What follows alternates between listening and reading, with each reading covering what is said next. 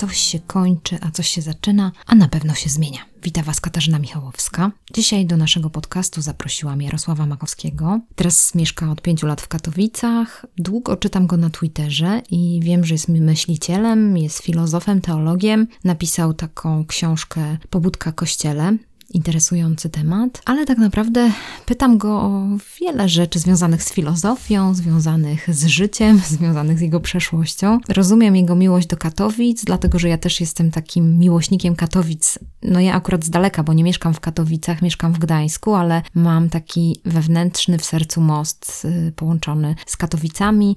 Bardzo lubię Marka Twaroga, który jest redaktorem naczelnym Dziennika Zachodniego. Moja cioteczna babcia kiedyś, y, jak jak przeprowadziła się do Katowic, pracowała tam w Dzienniku Zachodnim jako dziennikarka. Pamiętam Katowice na pięknych fotografiach, kilka razy byłam w swoim życiu. Wiem, że Katowice się dalej rozwijają i z tego powodu jakoś lubię Śląsk. Oczywiście zaczynamy z Jarosławem Makowskim rozmowę na temat Twittera. Co ciekawe, raz w roku Stanisław Stanuch, Nik, dziennikarz, robi takie zestawienie dziennikarzy w Polsce, gdzie klikają, co lajkują, co szerują i później robi takie tak zwane plemienia, umieszcza ich w taki, na takiej mapie skomplikowanej plemion i wtedy to oznacza, gdzie oni się znajdują w swoich poglądach. No wiadomo, że to nie można określić czyichś poglądów, czy ktoś jest po prawej, czy po lewej stronie ze względu na to, co retweetuje, czy co klika, chociaż czasami to odzwierciedla czyjeś preferencje. No to ja zawsze tam znajduję się w plemieniu śląskim, ze względu na to, że czytam zawsze różne informacje na temat Śląska, lajkuję, retweetuję, ale też również obserwuję dziennikarzy, bardzo dużo dziennikarzy z Dziennika Zachodniego. No to tylko takie może wytłumaczenie, dlaczego zaprosiłam Jarka Makowskiego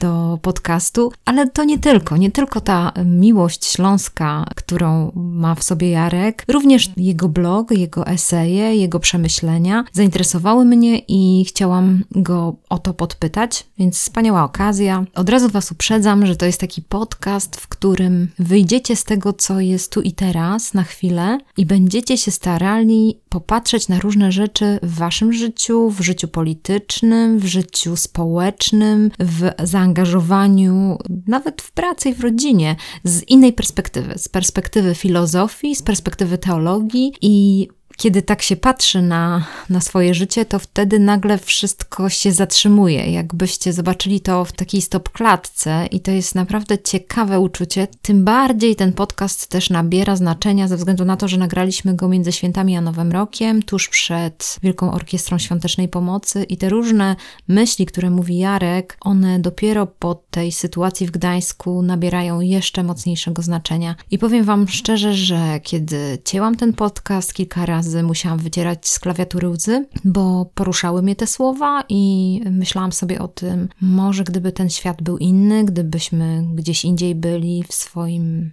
myśleniu, w swoim mówieniu, y, w swojej zaciętości. Może by było inaczej, kto wie. Zapraszam Was z całego serca do tej rozmowy. Mądry y, człowiek, Jarek, który uczył się od najlepszych. Zazdroszczę mu tego, jak nie wiem co. Ojejku, aż po prostu tam zielenie jest zazdrości, że mógł uczyć się od księdza Tischnera, spotkał pana Turowicza, pracował w Tygodniku Powszechnym i tam ukształtował też swoje myślenie, swoją filozofię. Z taką zazdrością przeprowadzałam tą rozmowę, ale wiem, że tak jest, że po prostu każdy ma swoje miejsce i każdy ma swój czas i tak naprawdę trzeba patrzeć, gdzie się znajdujemy, tych ludzi, których spotykamy, inspirować lub być inspirowanym, budować albo być budowanym, uczyć się albo yy, nauczyć kogoś. Więc zapraszam Was do tej rozmowy. Widzicie, od razu wpadł taki filozoficzny ton. Nie jest to rozmowa lifestyle'owa, jest to rozmowa głęboka i schodzi coraz głębiej i coraz głębiej, ale moim zdaniem warto, naprawdę warto posłuchać Jarka, warto się zastanowić, bo tylko takie stop klatki, chwile, kiedy się zatrzymujemy, one mają tak naprawdę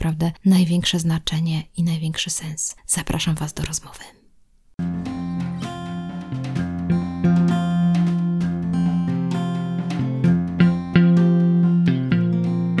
Dzień dobry, witam Was na stacji Zmiana. Witam Was Katarzyna Michałowska. Witam serdecznie mojego gościa. Zaprosiłam do nas Jarosława Makowskiego.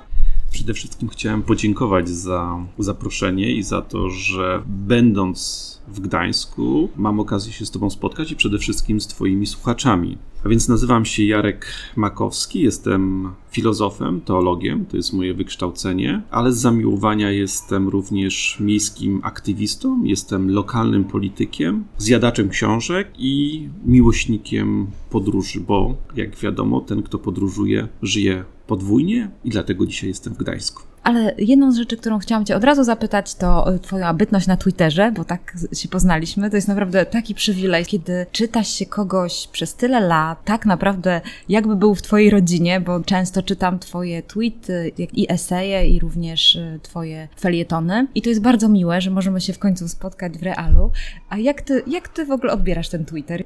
Z jednej strony to jest błogosławieństwo, ale z drugiej przekleństwo. Oj, tak. Natomiast daje do myślenia fakt, że dzisiaj te 240 znaków, które sprawiają, że możemy szybko napisać jakąś myśl, komentarz, ma większe znaczenie niż wspomniany przez ciebie esej, który tak, piszemy tak, dla.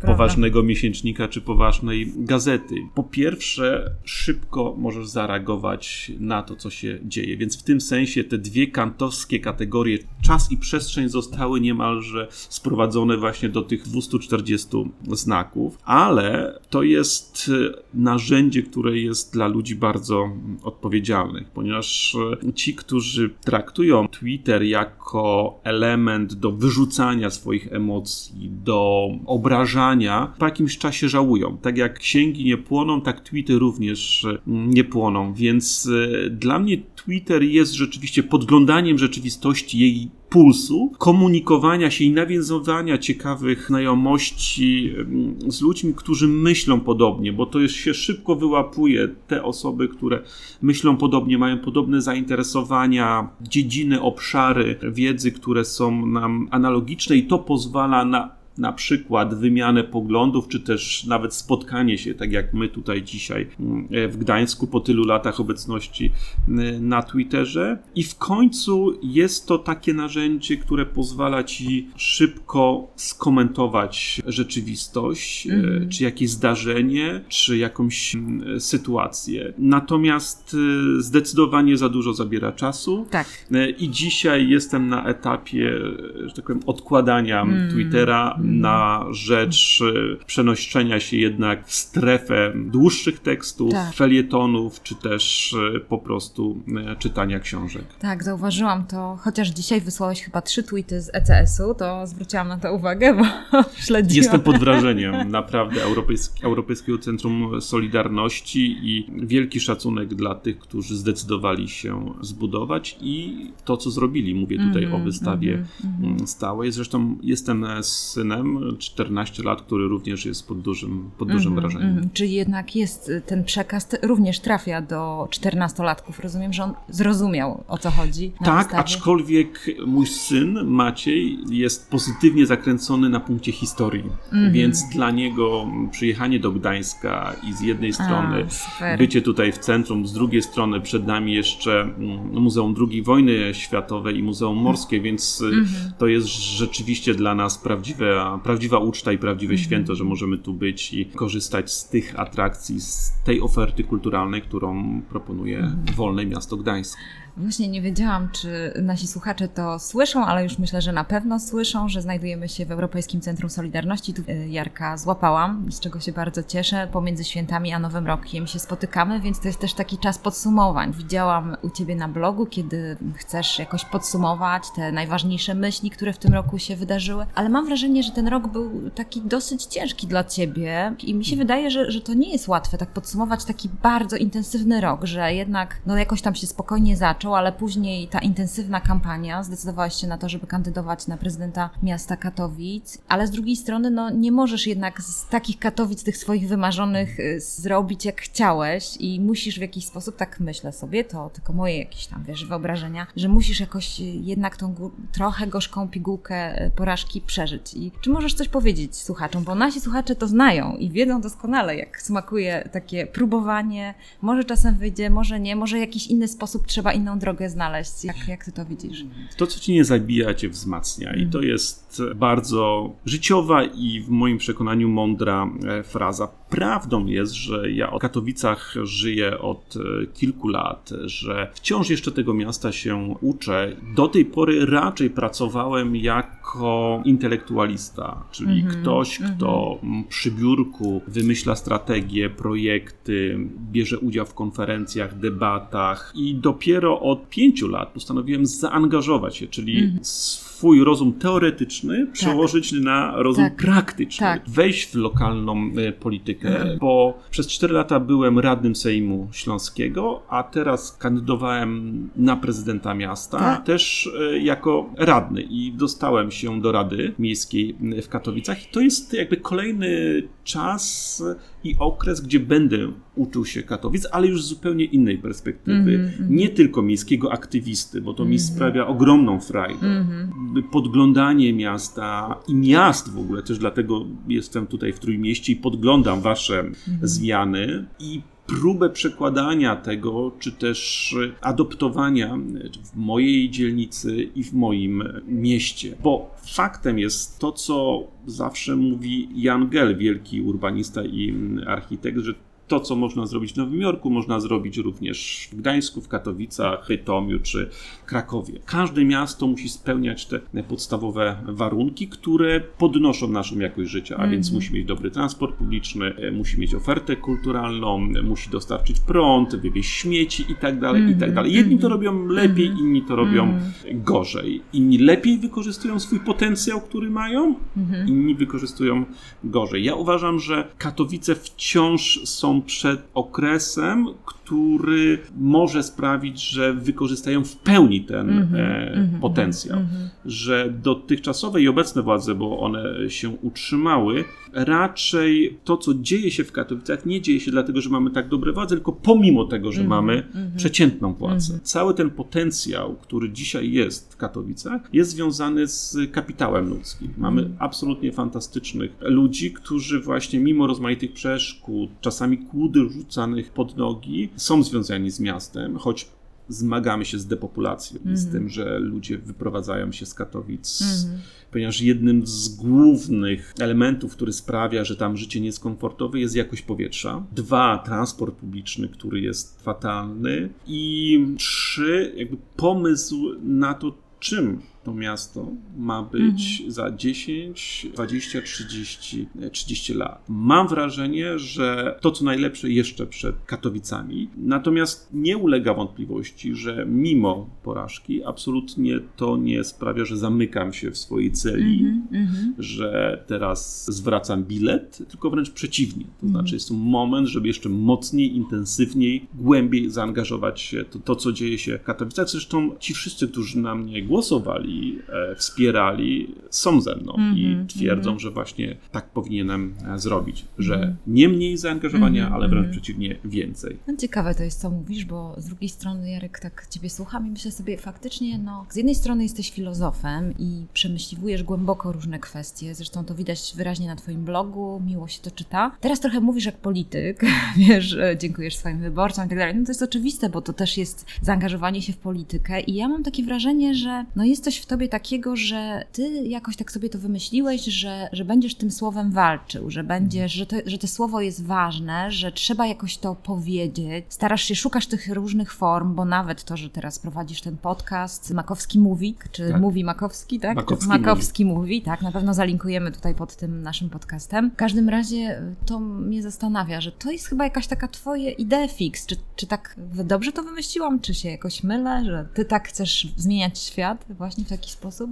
Miałem profesora, profesora logiki, który był również księdzem. On zawsze powtarzał, że w jednej dłoni należy trzymać Pismo Święte, a w drugiej gazetę. A więc z jednej strony te słowa, które, że tak powiem, są uniwersalne, niemalże mają wieczny atrybut, a z drugiej strony te, które jakby tętnią, opisują nam rzeczywistość tu i teraz, które są takie migotliwe. I człowiek jest rozpięty, cytując z kolei Pascala, między osłem a aniołem. Prawda? Między tym, co boskie, a tym, co bardzo przyziemne. Sacrum profanum czasami. Dokładnie. I ja mam takie poczucie, że brakuje w naszym życiu publicznym poważnego namysłu, poważnej rozmowy. Jeżeli dzisiaj przyglądamy się dyskusji publicznej i zarazem widzimy, jak ludzie zwracają bilet, nie chcą w tym brać udziału, ponieważ są niemalże obrażani jakością i poziomem tego dyskursu, to ja uważam, że należy jednak przywracać powagę, mm. że słowa mają znaczenie, że one mm. nie są niewinne, mm. że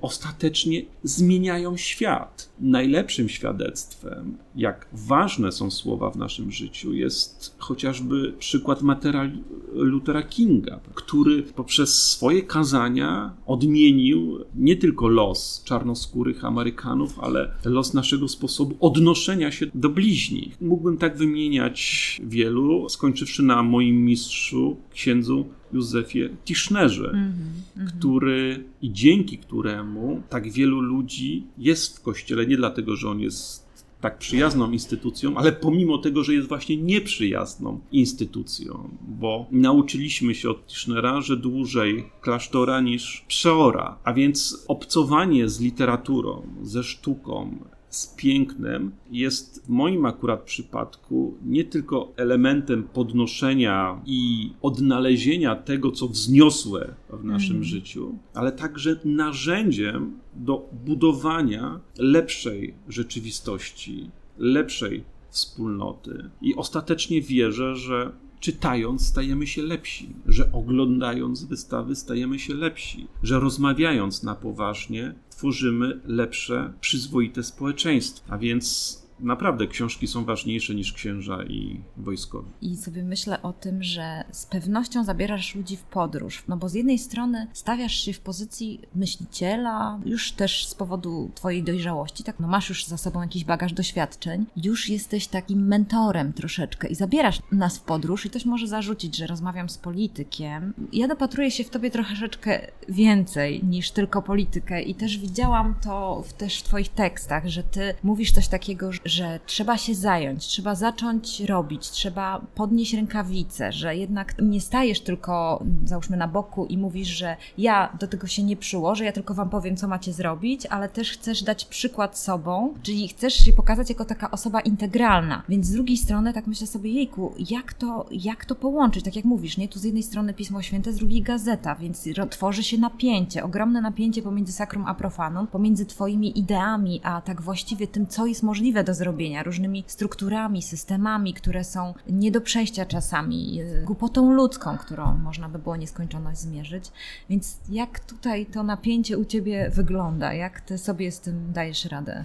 W ogóle polityka to sztuka tego, co możliwe i realne, ale odwołanie do sztuki, literatury, słowa jest taką kotwicą, która nie pozwala mi popaść w polityczny cynizm, mm -hmm, gdzie skuteczność jest celem, choć to przyzwoitość powinna być celem naszego działania politycznego i dobro wspólne. Gdyby cynizm był wszystkim, to ten świat byłby okrutny, choć tak lubimy i chcemy postrzegać życie polityczne. Natomiast ja się z tym nie godzę. Jest taki paradoks, że kiedy swoje życie ograniczałem do aktywizmu miejskiego, to wszyscy klaskali, mówili, fajne rzeczy opowiadasz, zgoda i tak dalej. Kiedy zaangażowałem się w politykę, to wszyscy powiedzieli, no tak, teraz to jesteś e, politykiem, już nie jesteś miejskim aktywistą i tak mm -hmm, dalej, mm -hmm. i tak dalej. Przypomina mi to słynne stwierdzenie, które odnoszono do biskupa brazylijskiego Hamary. To znaczy, on mówił tak, kiedy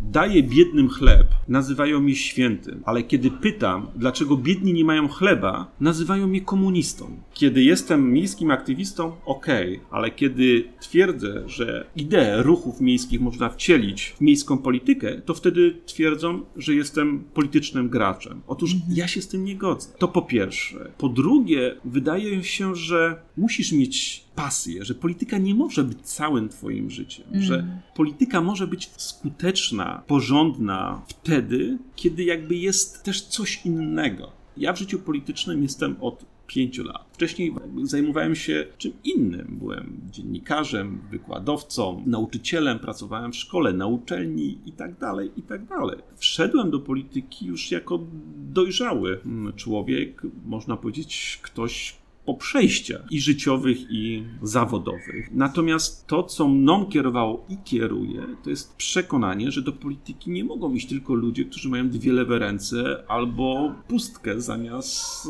rozumu. Znów Tischner opowiada, że jak na Podhalu ktoś szedł do polityki, to znaczy, że miał dwie lewe ręce. Znaczy, ja bym chciał, żeby do polityki szli ludzie, którzy mają prawą i lewą rękę, mhm. którzy już coś osiągnęli, którzy są kompetentni i być może to, co najważniejsze, którzy nie uważają, że cynizm cynizm i skuteczność to coś, co powinno definiować życie polityczne. Mm, tak, też właśnie się zastanawiałam nad tym, co mówisz, że ostatni twój tekst na temat utopii i w ogóle zastanawianiem się nad tą utopią, myślę sobie, o ludzie, może taki czas też twój, że, że w jakiś sposób można by się tak zdefiniować trochę jako utopista, że może ty sam się jako utopista de definiujesz. Ja sobie myślałam, czytając go, że utopista, może idealista, może ktoś, kto wierzy, że jednak da radę coś dobrze poprowadzić, że coś zmieni, Może to jest właśnie z powodu tego, że jednak no, masz pewne wartości, masz jakiś kręgosłup i, i tego się trzymasz, bo nie powiedziałabym, że, że tak jakoś w swoich przekonaniach jakoś y, się zmieniasz. Obserwuję ciebie od no tak 2012 roku, nie? Tak mhm. powiedziano jakiś taki wycinek twojego życia, no ale nie mam takiego wrażenia, że na przykład z powodu tego, że wszedłeś do polityki i nagle twoje patrzenie na pewne rzeczy się zmieniły. Ja bym powiedziała, że, że nauczyłeś się tego, jak być politykiem, jak, jak to robić też, ale jednak ten kręgosłup twój jest w miejscu, nie? Jak ty sobie z tym radzisz, będąc tym utopistą? Czy ty jesteś nim? Czy jesteś tym idealistą? Czy możesz się tak określić? Jestem utopistą w tym sensie, że musi nam towarzyszyć jakiś, jakaś idea tak. regulatywna, jeżeli mm -hmm. mogę użyć tego określenia, która wskazuje nam drogę, ale pokazuje cel. Idąc tam, będziemy się potykać, przewracać, upadać, ale to nie jest najważniejsze. Najważniejsze jest to, że wstajesz, idziesz dalej. To, że się potykamy, że popełniamy błędy, że czasami robimy złe rzeczy również, to jest cena, jaką płacimy za to, że żyjemy że to nasze życie to nie jest tylko smak malin, ale także smak goryczy. Pionu. Mhm. Tak, że życie takie intensywne to jest smak razowego chleba i wódki. To jest to, co wydaje mi się ważne. A więc utopista to jest ktoś, kto jest realistą, w tym sensie, że próbuje zmieniać siebie, bo zawsze powinniśmy zaczynać od siebie, zgodnie z tym, że nie możesz wytykać, że ktoś ma drzazgę wokół, a belki we własnym nie widzisz, ale jest jakaś gwiazda, która cię prowadzi. W moim przypadku jest to budowanie i tworzenie z jednej strony przyjaznego miasta, które jest dla ludzi, a nie ludzie są dla miasta. Takiej przestrzeni, w której dobrze się czujemy, w której jest zieleń, w której jest dobry transport publiczny, której jest łatwy dostęp do żłobków, do szkół, której możemy oddychać czystym powietrzem i tak dalej. A z drugiej strony idea przyzwoitego społeczeństwa, a więc takiego, gdzie równość jest ważniejsza niż nierówność, gdzie solidarność jest ważniejsza niż egoizm, gdzie, a niech tam, miłość jest ważniejsza niż nienawiść. I sam zachodzę w głowę. Jesteśmy w centrum Solidarności. Widzieliśmy historię tego słowa, historię ruchu. Solidarność dała nam wolność, dała nam pokój i dała nam dobrobyt względny. I jak to jest możliwe, że ta solidarność zostaje potem w jakimś stopniu odłożona na półkę. Czasami boję się myśleć, jak wyglądałaby Polska, jak my byśmy wyglądali jako społeczeństwo, gdyby rzeczywiście, jak pisał kapelan Solidarności ksiądz Józef Tischner w etyce Solidarności, Solidarność była osią relacji międzyludzkich, gdzie Solidarność to znaczy jeden z drugim, a nie jeden przeciw drugiemu. Gdzie Solidarność to znaczy cytując świętego Pawła, jeden drugiego brzemiona ma nieść. Co takiego się z nami stało, że ta polska idea, która zdefiniowała najnowsze dzieje naszego kraju i naszego społeczeństwa, która jest znakiem rozpoznawczym Polski w Europie i w świecie, zostaje przez nas, Polaków, odstawiona na półkę. Mm -hmm. Szczerze, nie jestem tego w stanie pojąć. No tak, zwłaszcza takie padają słowa, kiedy znajdujemy się w Europejskim Centrum Solidarności i w Gdańsku, gdzie to wszystko się narodziło. Ale wiesz co, powiem Ci, że chcę trochę odejść od tego tematu na chwilę, bo na Mhm. pewno do niego wrócimy, bo to jest coś poruszającego i Ciebie i mnie, ale z powodu tego, że urodziłeś się w Kutnie, to chciałam się Ciebie zapytać o to, przywołując tekst Kazika. Mieszkam w Polsce, nocne sklepy z mlekiem i patrzę, co się dzieje pod sklepem. Tłum przystawia komuś do twarzy pięści, żądają dla niego kary śmierci.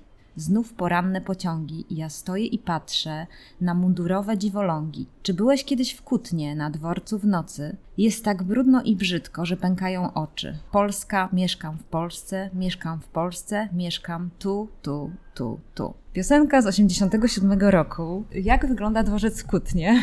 Czy byłeś tam ostatnio? Nie, muszę przyznać, że nie byłem ostatnio, ale rzeczywiście Kutno to jest taki węzeł kolejowy, gdzie te pociągi się po prostu Mieszają, mieszają tak, mijają, tak, prawda? dokładnie. Serce Polski. E, serce, e, serce Polski. Oczywiście ja mm, urodziłem się w Kutnie, ale to jest z mojego punktu widzenia dziecka, mojego dorastania, to w ogóle była metropolia. Ja Tak. mieszkam w takiej małej miejscowości, która się nazywa Gosławice, gdzie były naprawdę 12 zagród i to była, że tak powiem, przestrzeń, w której, w której dorastałem i w której rzeczywiście głównie zajmowałem się zabawą. Wspominam dzieciństwo, to była nieustanna sielanka, nieustanna zabawa. Natomiast wiem, co znaczy, żeby wyrwać się z takiej rzeczywistości. Wielkim wysiłkiem jest okupione to, że pochodzisz z małej wioski, gdzie w twoim domu nie ma i nie było wielkiej biblioteki, rodzice nie byli profesorami uniwersytetu, czy prawnikami, lekarzami i tak dalej. Więc tym bardziej doceniam to, że pozwolili mi wyfrunąć w No wieku właśnie. 15 lat 15, no e, z mojej, z mojej miejscowości i że w tych wszystkich moich rozmaitych życiowych zakrętach e, nigdy mnie nie opuścili i do dziś e, są ze mną i ostatecznie są dumni z tego, że m, moja wędrówka skończyła się właśnie w Katowicach, w Nikiszowcu. To jest e, Tak, znane miejsce. znane Tak, miejsce, bardzo. szczególne na Kultowe. mapie mm, Śląska. Ci, którzy widzieli filmy Kuca, a trudno znaleźć tych, którzy nie widzieli. Tak. doskonale wiedzą, co znaczy familok, Mhm. a więc te budynki z czerwonej cegły. Mhm. Z czerwonymi takimi oknami, prawda? Tak, tak, to jest- charakterystycznymi, Mhm. więc e, jeżeli tylko ktoś z Gdańska będzie się wybierał Mhm. na Śląsk, to zapraszam na Nikiszowiec, Mhm. a doznania estetyczne i architektoniczne naprawdę mm, będą szczególnego rodzaju.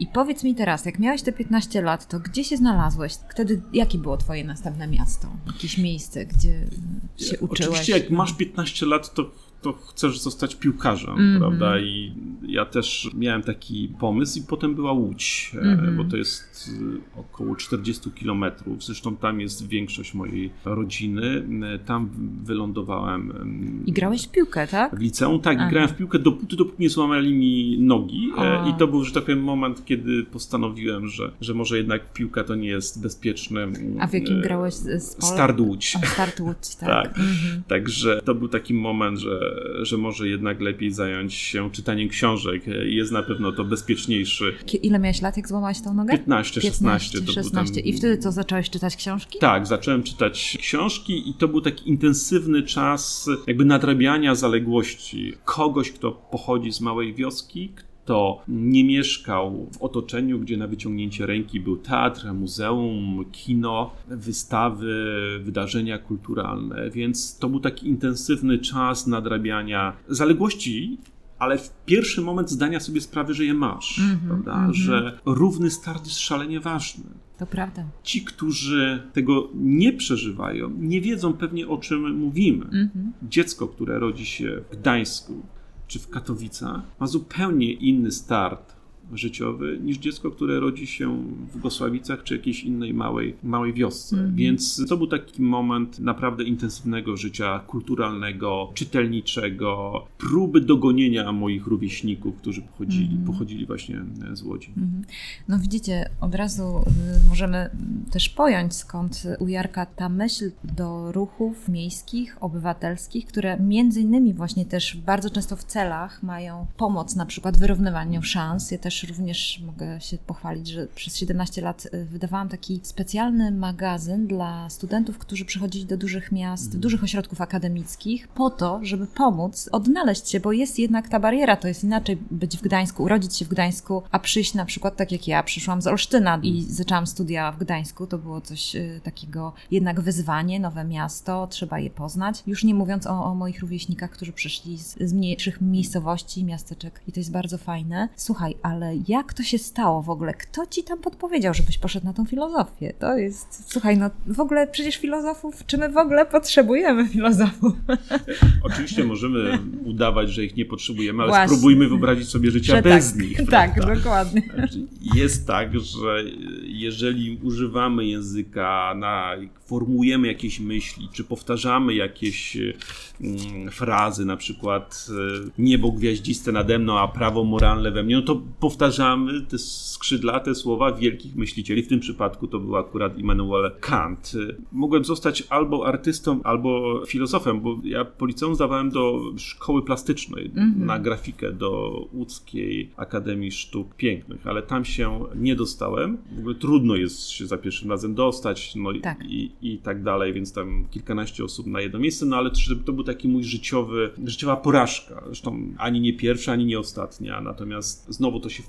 wkomponowuje w tą filozofię życiową, że upadki nie są po to, żeby rozpaczać, ale po to, żeby się podnosić i iść dalej. Natomiast jakby obrażenie się na komisję, bo dotarłem do ostatniego etapu, bo znów, żeby dostać się do Akademii Sztuk Pięknych jest strasznie długi etap. Składasz teczkę, weryfikują teczkę, potem idziesz na rozmowę kwalifikacyjną i dopiero te kluczowe egz- egzaminy, a więc rysunek, e, e, malarstwo i na końcu dopiero rozmowa kwalifikacyjna, więc dotarłem, że tak powiem, do tego ostatniego etapu i sam fakt, że się nie dostałem sprawił, że się strasznie obraziłem na artystów i, i na komisję. Natomiast to sprawiło, że zacząłem tworzyć, ale głównie poprzez język. Zainteresowałem się filozofą. Oczywiście w liceum to było naturalne, że towarzyszyły nam takie postacie jak Sartre, bo chodził w czarnych koszulach, a więc egzystencjalizm, Camus, no trochę Platona. Natomiast y, odkryłem, że tak jak język jest ważny w naszym życiu, bo jest narzędziem myśli. Stąd pomysł, żeby,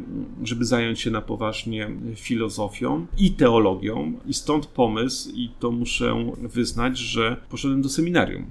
I tam, że tak powiem, spotkałem naprawdę wybitnych profesorów i ważnych dla mnie księży. I w ogóle seminarium to jest taka szkoła, gdzie nauczyłem się pracowitości, takiej obowiązkowości, że jeżeli chcesz coś w życiu osiągnąć, i to absolutnie zawdzięczam e, seminarium, to musisz po prostu przysiąść przy biurku i samo nie wejdzie. Tak? Że trzeba to odrobić, że trzeba to tego się nauczyć, poświęcić temu czas i tak dalej. Ale ostatecznie, że tak powiem, z kariery duchownego zrezygnowałem, przenosząc się potem na studia do mojego ukochanego Krakowa, a przede wszystkim po to, żeby poznać i studiować u księdza Józefa Tischnera. To był no, jeden z tych okresów w moim życiu, który definitywnie mnie ukształtował. Studia w Krakowie, mieszkanie w Krakowie i potem praca w Tygodniku Powszechnym jako redaktor od e, 1999 do 2006 roku, kiedy jeszcze, co prawda, już nie przychodził praktycznie do redakcji, ale żył jeszcze pan Jerzy Turowicz. E, Poznałem takich ludzi jak, jak Jerzy Pilch, jak Czesław Miłosz. E, No, wszyscy, którzy wtedy przyjeżdżali do Krakowa, przychodzili po prostu do Tygodnika Powszechnego. To, tak. było, to był taki świecki kościół, prawda, do którego się przychodziło właśnie, żeby, żeby porozmawiać e, z redakcją Tygodnika Powszechnego i właśnie przyglądanie się temu życiu intelektualnemu, wtedy krakowskiemu, także w formułowaniu się idei Kościoła otwartego i co on znaczy w wolnym już społeczeństwie i poznaniu takich ludzi jak ksiądz Tischner, jak ojciec Stanisław Musiał, sprawiło, że niewątpliwie to, kim jestem, zawdzięczam, zawdzięczam właśnie im. Mhm. Powiem ci szczerze, że masz dużo do oddania. W tym sensie tak sobie teraz zdaję sprawę z tego, że z pewnością, kiedy jesteś dojrzałym człowiekiem i patrzysz wstecz i, i widzisz, jak wiele dostałeś, darmo dostałeś, darmo oddajesz. Absolutnie, to jest cudowne w tej biblijnej frazie, że gdy teraz patrzę na moje życie, to w zasadzie to się nie powinno udać. Urodzony w Kutnie, dorastający w jakiejś małej wiosce, udało mi się e, spotkać, poznać i uczyć od e, naprawdę wybitnych ludzi, którym, tak jak mówisz, absolutnie zawdzięczam bardzo, bardzo wiele. Mhm. Idea wdzięczności jest czymś, co chyba też nie jest dzisiaj dobrze widziane. To jest tak, że dzisiaj, jeżeli osiągasz cokolwiek, to mówisz, że to jest Twój sukces, że to jest to, że jesteś tak wielki, wybitny, że osiągnąłeś to swoją krwawicą mm -hmm, i tak dalej. Mhm, Otóż mm -hmm. nic bardziej mylnego. To, kim jest jestem, jesteśmy, zawdzięczamy swoim e, rodzicom, bliskim, nauczycielom, tym, którzy pozwolili nam chodzić do darmowych szkół, na uniwersytet, na rozmaitego rodzaju kursy, którzy pozwolili nam jeździć tanim transportem publicznym i tak dalej. Znaczy, jesteśmy jakby od razu podmiotem, który zaciąga zobowiązania wobec świata i wobec innych. Ci, którzy sądzą, że nie, nie zaciągają zobowiązań, po prostu są najzwyczajniej w świecie niesprawiedliwi. Nie rozumieją, że ostatecznie większa jest radość, co powiedziałaś, w dawaniu, a nie tylko w tym łapczywym, konsumpcyjnym sposobie funkcjonowania i postrzegania życia. Że ostatecznie pod koniec naszych dni a mówię to na podstawie świadectw innych, nie pytamy się, czy zrobiliśmy dodatkowy wykład, czy prezentację w PowerPoincie, czy też napisaliśmy kolejny e, tekst, ale to, czy wykorzystaliśmy to życie po to, aby czyniąc dobrze, właśnie dzielić się tą solidarnością, o której tutaj mówimy, aby to ona była osią relacji między nami, między, między ludźmi. I to wydaje się chyba kluczowe, choć tak bardzo wyśmiewane, wyszydzane, bym nawet powiedział. Ale jeżeli chcemy piekło na ziemi, to zrezygnujmy z solidarności. Jeżeli chcemy, przynajmniej w odrobinie, aby ten nasz świat, nasza ulica, nasza dzielnica i nasze miasto były krojone na naszą, ludzką i przyzwoitą skalę, to chrońmy Solidarność. Z takich e, ważnych rzeczy jest to też, że jesteś przejęty tym, co się dzieje w kościele. I teraz lepiej to rozumiem, kiedy opowiedziałeś mi swoją historię, że to ci leży ciągle na sercu i widzę, że chyba tak myślę, że chyba takim twoim ulubionym teraz papieżem chyba jest Franciszek bardzo cię inspiruje. Nie? Tak, to prawda. Zresztą mm. ostatnia książka, która się ukazała w maju, to jest Pobudka Kościele, to jest mm. esej na temat myśli społecznej właśnie papieża mm, tak, Franciszka. Tak, on jest taki bliski tobie, tak sobie myślę, no tak bliski twoim wartościom bardzo. Ciekawe to jest, a z drugiej strony myślę sobie, że kurczę, no ciężka, trudna to mowa, wiesz, że jednak dotykasz tych ważnych spraw i teraz w, w obliczu tego i filmu Claire, tego wszystkiego, co się dzieje z Kościołem, tego flirtu, polityki z kościołem. To było, może teraz bardziej to widzimy, tak myślę sobie, nie wiem, no to tam pewnie to lepiej wiesz, ale to są trudne rzeczy, ale wydaje mi się, że bardzo potrzebne. My, my musimy to słyszeć. Tak czytam to i, i, widzę ciebie jako takiego, kto tak stoi na takiej odwróconej beczce, tam przy metrze i krzyczy i tam się może dwie osoby przy tobie zatrzymają, a ty mówisz, ludzie, opamiętajcie się. Nie wiem, czy to jest dobry obraz, co ty myślisz na ten temat, ale wiem, że wołasz, wołasz, że chcesz powiedzieć te słowa, które Kościół nie powiedział, chcesz y, zwrócić uwagę na te rzeczy, które nie zostały powiedziane. No i krwawisz, chłopie. Co, nie wiem, czy krwawie, natomiast wydaje się znowu, że Kościół sprzeniewierza się swojej najgłębszej idei, tradycji i przesłaniu, jakie wiąże się przecież z miłością bliźniego. Nie tylko tego bliźniego, który ma podobny kolor skóry, który mówi w Twoim języku i który mieszka na tej ziemi, ale także tego, który ma inny kolor skóry, mówi w innym języku, a może nawet wierzy w innego Boga. Więc dla mnie chrześcijaństwo znowu jest rodzajem kompasu Prawda? Jeżeli mówiłem o trzymaniu Biblii w jednej dłoni, a my, my potrzebujemy oparcia. I dla mnie takim tekstem fundamentalnym jest rzeczywiście Ewangelia. Po drugie, żyjemy w społeczeństwie, które nie zna innego kodu kulturowego, gdzie to chrześcijaństwo obecne, a mówiąc dokładnie katolicyzm jest na niemal każdej stronie dziejów tego państwa, tego narodu i tego kraju. Jeżeli dziś bije się o kształt katolicyzmu, w pewnym sensie bije się również o kształt tego państwa i kształt tego społeczeństwa, dlatego że ten katolicyzm jest tak mocno osadzony w nas. Nawet jeżeli jesteś osobą niewierzącą, to w Polsce nie możesz nie interesować się Kościołem, bo to on interesuje się tobą. Wchodząc do twojej sypialni, zaglądając do podręczników twoich dzieci i tak dalej, i tak dalej. Jest taki słynny wykład Hegla. To niemiecki filozof, ale w związku z tym, że jesteśmy w Gdańsku, więc bez obaw przywołuje Hegla. Otóż Hegel w jednym ze swoich berlińskich wykładów mówi tak. Naród, który ma fałszywe pojęcie Boga, ma złe państwo, złe prawo i złe rządy. Złe państwo, złe prawo i złe rządy. I kiedy patrzymy dzisiaj na połączenie tronu i ołtarza, i kiedy widzimy, jak Bóg Abrahama, Izaaka i Jakuba, Bóg jawnogrzesznicy, Bóg miłosiernego Samarytanina, zamieniany jest na bożka nacjonalistyczno-ksenofobicznego, który ma legitymizować działania władzy, ale też dużej części Kościoła do tego, żeby wykluczać, piętnować, poniżać, złorzeczyć, to się na to nie godzę. To próbuje, być może jest to wołanie na puszczy, ale próbuje pokazać, że Bóg Abrahama, Izaaka i Jakuba jest Bogiem miłosierdzia, jest Bogiem miłości, jest Bogiem współczucia, jest Bogiem troski, jest Bogiem poświęcenia. A więc bijąc się o katolicyzm, powtórzę, bije się o kształt tego państwa, kształt rządów w naszym kraju i kształt prawa. Wiesz co, mam jeszcze takie pytanie do ciebie, trochę związane właśnie z tym takim twoim obrazem. Jak pierwszy raz cię znalazłam na Twitterze, to miałeś e, taki nick Calvin. Bardzo cenię sobie jakby ideę protestancką w takim sensie, że reformacja pozwoliła nam, ludziom wierzącym, zdetronizować instytucje. Luther, przykładając Biblię na niemiecki, dał nam do ręki narzędzie, oto możecie czytać, weźcie i czytajcie.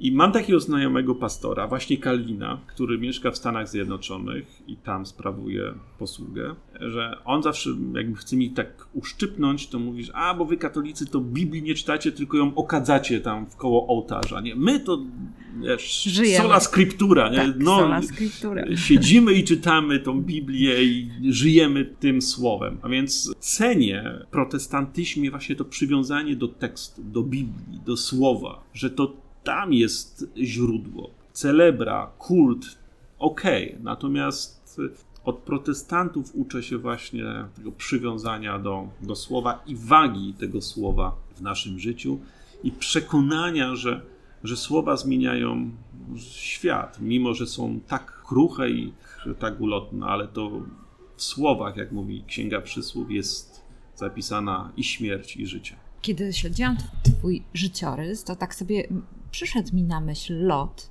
Tak sobie pomyślałam o tej sytuacji Abrahama z Lotem, że Abraham zapytał Lota, mówi: Słuchaj, już mamy za dużo tych owieczek i bydła, no to wybierz sobie ziemię, idź, e, skręć tam, gdzie chcesz, ja pójdę w inną stronę. Lot wybiera po prostu miejsca przed Sodomą, później w Biblii znajdujemy go już blisko, pod murami miasta, później go znajdujemy w murach miasta. Ja to rozumiem, że on się włączył w, w to, żeby jakoś tym miastem zarządzać. I tak sobie myślałam, ciekawa jestem, czy to nie jest twoja historia, ale teraz jak mówisz o tym, to sobie jednak myślę, że chyba jednak podążasz drogą Abrahama, że chcesz y, w jakiś sposób uratować tego Lota, chcesz y, mu pomóc, kiedy, kiedy trzeba. Trzymasz się swojego. Czy, czy to jest dobry obraz? Czy jak myślisz? Znaczy, Abraham jest mi bliski w tym sensie, że to jest człowiek pielgrzym. Tak. że nawiązując trochę do nazwy waszego podcastu, stacja Zmiana, że chrześcijanin nie powinien szukać jakby stałej ziemi. Czy stałością jest to, że, że idziesz. Jesteś homowiator, pielgrzym.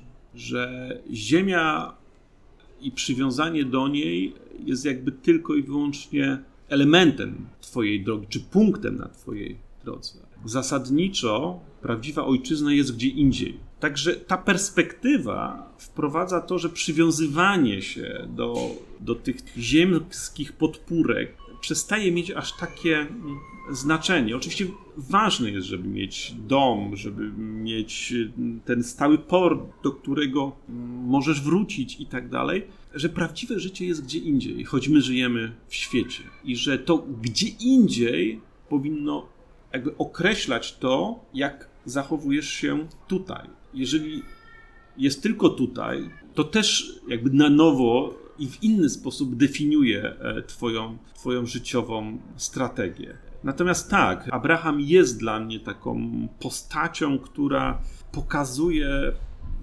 tą drogę, która jest e, ani łatwa, ani prosta. Drogowskazem nie jest kompas, ale drogowskazem są spotkani ludzie, ich twarze. Bo spotykając innych, spotykasz tak naprawdę, i to mówię za francuskim filozofem Manuelem Levinasem, ślad Najwyższego, ślad Boga.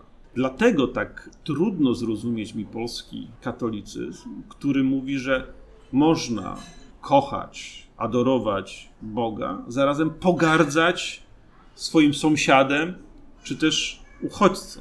Otóż nie, to jest antychrześcijańskie. Nie można kochać Boga, którego się nie widzi, jeżeli nie kocha się ludzi, których spotykasz na swojej drodze.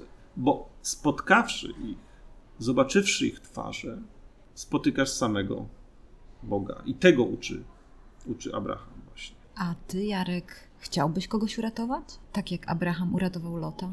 Wiesz co, my pewnie sami nawzajem się ratujemy, nie wiedząc o tym. Ratujemy się, okazując sobie, znów wrócę do tego słowa, solidarność. Być może to nawet dobrze, że nie wiemy, iż kogoś ratujemy. Czasami słowem, czasami gestem, czasami wspomagając anonimowo. Przecież jeżeli bierzemy udział za chwilę Wielka, Wielka Orkiestra Świątecznej Pomocy, to, to ratujemy innych. Jeden drugiego brzemiona noście, nawet gdybyście o tym, a może i lepiej, że o tym nie wiecie. To jest szalenie ważne. Natomiast jeżeli już kogoś ratować, to siebie. Znaczy, nim zaczniesz baczyć, żeby inni nie upadali, bacz, żebyś ty nie upadł. Mm-hmm, Być może największym wyzwaniem, przed jakim stoimy, to jest ratunek mm-hmm. samego siebie. To mój ulubiony Thoreau powiada, że większość z nas żyje w cichej rozpaczy. Antidotum na tą cichą rozpacz właśnie jest solidarność, okazywanie sobie dobroci, ciepła, troski. Nie dać się rozpaczy, to okazać sobie współczucie i ciepło. Gdy mówisz, to myślę sobie, że jesteś chyba człowiekiem, tak czuję, który kilka zmian tam w swoim życiu zaliczył. Zmiana to zawsze wiąże się z takim jednak gorszymi chwilami, bo tam też te nasze osobiste kompetencje rosną w sensie takim, że poznajesz siebie, poznajesz też Boga, tak jak tutaj mówisz o nim, poznajesz to wszystko, co się dzieje, więc chyba jesteś trochę y, człowiekiem poharatanym. Tak chyba czuję, ale nie wiem, czy to jest prawda. Nie zna Wiesz, życia ten, mówisz. kto nie był poharatany. No właśnie, właśnie. Mogę tylko powiedzieć słuchaczom i też jakoś tobie, że kocham ludzi, którzy mają blizny, które też sama mam. I wydaje mi się, że to jest y, bycie wojownikiem i, i jednak wojowanie. Nie jest to łatwe, żeby zmienić ten świat na lepsze. I naprawdę, Jarek, bardzo dużo, bardzo Cię podziwiam i tak jak umiem, będę wspierała. Dziękuję Ty bardzo. naprawdę jesteś y, wytrwały i taki przykład na osobę, która no, dużo, dużo ryzykuje. Szymborska mówiła, że pewność jest piękna, ale niepewność piękniejsza. Ja myślę, że to jest trafne, prawdziwe, choć w dzisiejszym świecie, jeżeli mogę tak powiedzieć, w świecie naznaczonym nieustannym ryzykiem i niepewnością, być może trochę pewności i tak by bezpieczeństwa by nam się przydało. Wszyscy mówią, że mamy ryzykować, wszyscy mówią, że mamy mm, chodzić niemalże na skraju przepaści. Wydaje mi się, że odrodzenie się ruchów radykalnych, nacjonalistycznych, takich tożsamościowych jest reakcją na to zwiększające się ryzyko i niepewność w naszych czasach. Więc jeżeli chcemy w jakim stopniu na swoim podwórku sprawić, żeby tych ruchów tożsamościowych, tak niebezpiecznych dla naszego życia zbiorowego było mniej, to ukazujmy i róbmy tak, żeby mieć trochę więcej tego bezpieczeństwa, tej pewności, że jednak wszystko będzie, wszystko będzie dobrze. Różnica między pokoleniem naszych rodziców, mówię tutaj przede wszystkim o Europie Zachodniej, a ich dziećmi była taka, że oni żyli w przekonaniu, że jutro będzie takie jak dziś, tylko lepsze. Ich dzieci, i to widać po ruchu oburzonych w Europie, czy po Occupy Wall Street w Stanach Zjednoczonych, czyli w młodych ludziach. Młodzi ludzie żyją w przekonaniu, ale także Polacy, że jutro będzie takie jak dziś, tylko gorsze. A więc co odebrano młodym ludziom? Nadzieję. Jeżeli odbierasz człowiekowi nadzieję, to wtedy wchodzi rozpacz. Jeżeli nie chcemy, żeby rozpacz wygrała z nadzieją, to musimy tą nadzieję wzmocnić właśnie poprzez zbudowanie poczucia bezpieczeństwa i takiego przekonania, że, że jutro nie będzie przynajmniej gorsze niż dziś. Jarku, bardzo Ci dziękuję za rozmowę. Nie wiem, czy masz może jakąś myśl, którą chciałbyś jeszcze dodać, chociaż to była naprawdę dobra. Może w takim razie powiem na koniec, że choć była to bardzo długa rozmowa, że zwięzłość jest sensem duszy. To Szekspir. Mhm. Dziękuję Ci, Jarek, i myślę, że będąc zainspirowani, przemyślicie sobie kilka spraw. A druga sprawa, nie zapominajmy o solidarności, która tutaj kilka razy padła w naszej rozmowie. Dziękuję bardzo i do usłyszenia.